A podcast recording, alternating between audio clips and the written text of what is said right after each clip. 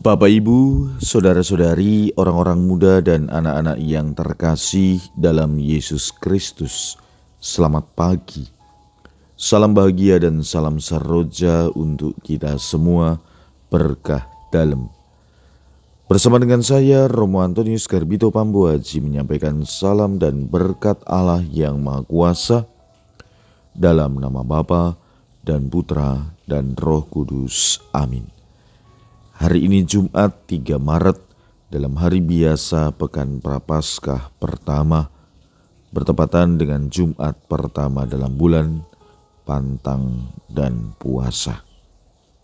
Bacaan pertama dalam liturgi hari ini diambil dari Nubuat Yeskiel bab 18 ayat 21 sampai dengan 28. Bacaan Injil diambil dari Injil Matius bab 5 ayat 20 sampai dengan 26. Dalam khotbah di bukit, berkatalah Yesus kepada murid-muridnya, "Jika hidup keagamaanmu tidak lebih benar daripada hidup keagamaan ahli-ahli Taurat dan orang-orang Farisi, kalian tidak akan masuk ke dalam kerajaan sorga." Kalian telah mendengar apa yang difirmankan kepada nenek moyang kita, jangan membunuh. Siapa yang membunuh harus dihukum. Tetapi aku berkata kepadamu, setiap orang yang marah terhadap saudaranya harus dihukum.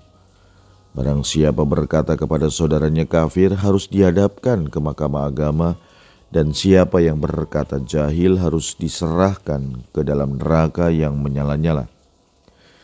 Sebab itu jika engkau mempersembahkan persembahan di atas mesbah dan engkau teringat akan sesuatu yang ada dalam hati saudaramu terhadap engkau, tinggallah persembahan di depan mesbah itu dan pergilah berdamai dahulu dengan saudaramu, lalu kembali untuk mempersembahkan persembahan itu. Segeralah berdamai dengan lawanmu selama engkau bersama-sama dengan dia di tengah jalan supaya lawanmu itu jangan menyerahkan engkau kepada kehakim, dan hakim itu menyerahkan engkau kepada pembantunya, dan engkau dilemparkan ke dalam penjara. Aku berkata kepadamu, sesungguhnya engkau tidak akan keluar dari sana sebelum engkau membayar hutangmu sampai lunas. Demikianlah sabda Tuhan. Terpujilah Kristus.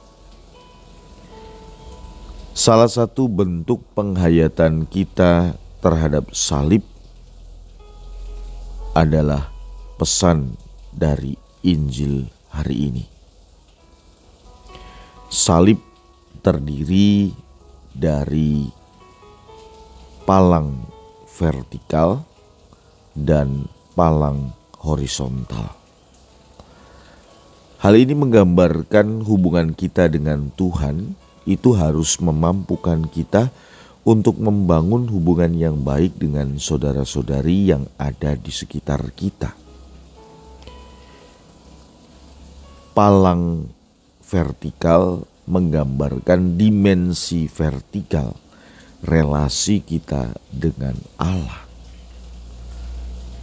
Parang, palang horizontal menggambarkan dimensi horizontal relasi kita dengan sesama. Adalah satu kesatuan yang tak terpisahkan dalam hidup kita, termasuk juga dalam hidup keagamaan. Agama seharusnya tidak hanya mengantar orang sampai kepada Tuhan, tetapi juga semakin mendekatkan orang pada sesamanya. Demikianlah juga dengan masa prapaskah ini. Pantang dan puasa yang kita jalankan bukan hanya mau mendekatkan kita pada Tuhan, tetapi juga harus sampai pada tindakan nyata memberikan kebahagiaan, sukacita kepada sesama.